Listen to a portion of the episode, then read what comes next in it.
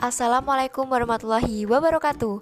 Perkenalkan, nama saya Milenia Putri Utami NIM 1940-1244-015 Dari Prodi Pendidikan Kewarganegaraan dan Hukum Kelas B tahun Angkatan 2019 dari Universitas Negeri Yogyakarta.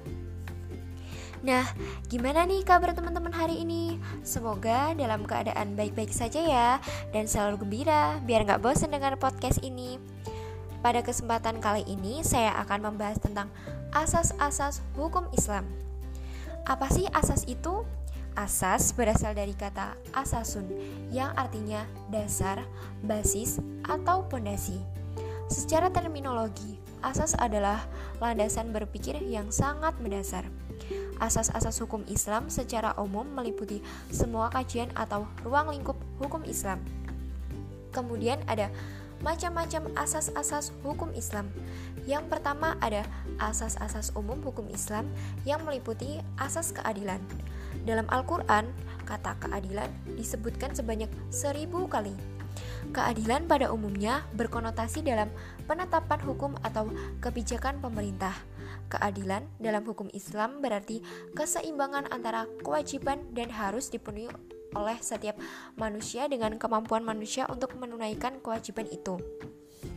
Kemudian ada asas kepastian hukum. Dasar hukum dari asas ini adalah surat Al-Isra ayat 15. Kemudian ada asas kemanfaatan. Asas kemanfaatan adalah asas yang mengiringi keadilan dan kepastian hukum tersebut di atas. Dalam melaksanakan asas keadilan dan kepastian hukum, hendaknya memperhatikan manfaat bagi masyarakat umum. Kemudian ada asas kewarisan. Sebagaimana asas-asas yang lain, asas kewarisan hukum bersumber dari Al-Quran dan Sunnah Nabi.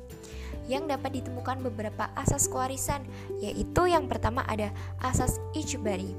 Asas ijbari secara harfiah berarti memaksa. Unsur memaksa dalam hukum waris ini karena kaum muslimin terikat untuk taat kepada hukum Allah sebagai konsekuensi logis dari pengakuannya atas keesaan Allah dan kerasulan Nabi Muhammad. Yang kedua ada asas individual. Asas ini menyatakan bahwa harta warisan dapat dibagi-bagikan pada masing-masing ahli waris untuk dimiliki secara perorangan. Kemudian ada asas bilateral. Secara asas bilateral, seseorang menerima hak warisan kedua belah pihak, yaitu pihak kerabat keturunan laki-laki dan pihak kerabat keturunan perempuan. Kemudian ada asas keadilan yang berimbang.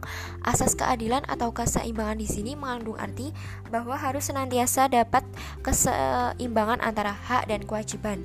Kemudian ada asas akibat kematian. Kewarisan terjadi jikalau ada pihak yang telah meninggal dunia dalam peralihan harta sebelum kematian berarti bukanlah hukum kewarisan ya. Kemudian ada asas-asas perkawinan. Dalam perkawinan berlaku beberapa asas. Yang pertama yaitu asas kesukarelaan. Kesukarelaan berarti saling menerima baik kekurangan maupun kelebihan antar pasangan.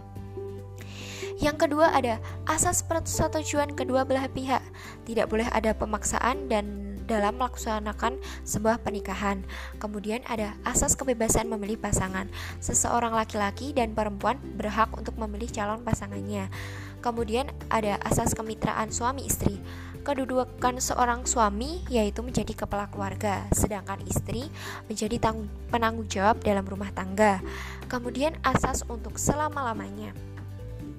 Perkawinan dilaksanakan untuk melangsungkan keturunan dan membina cinta serta kasih sayang selamanya. Oleh karena itu, perkawinan mut'ah dilarang karena tidak sesuai dengan tujuan pernikahan. Yang terakhir ada monogami terbuka. Perkawinan di dalam Islam bersifat monogami karena beberapa hal seseorang suami dapat menikah lagi atas persetujuan istrinya. Sekian paparan materi yang dapat saya sampaikan. Terima kasih banyak atas waktu luangnya. Stay safe semua, jangan lupa selalu menjaga kesehatan dan selamat melanjutkan aktivitas kembali. Have a nice day. Assalamualaikum warahmatullahi wabarakatuh.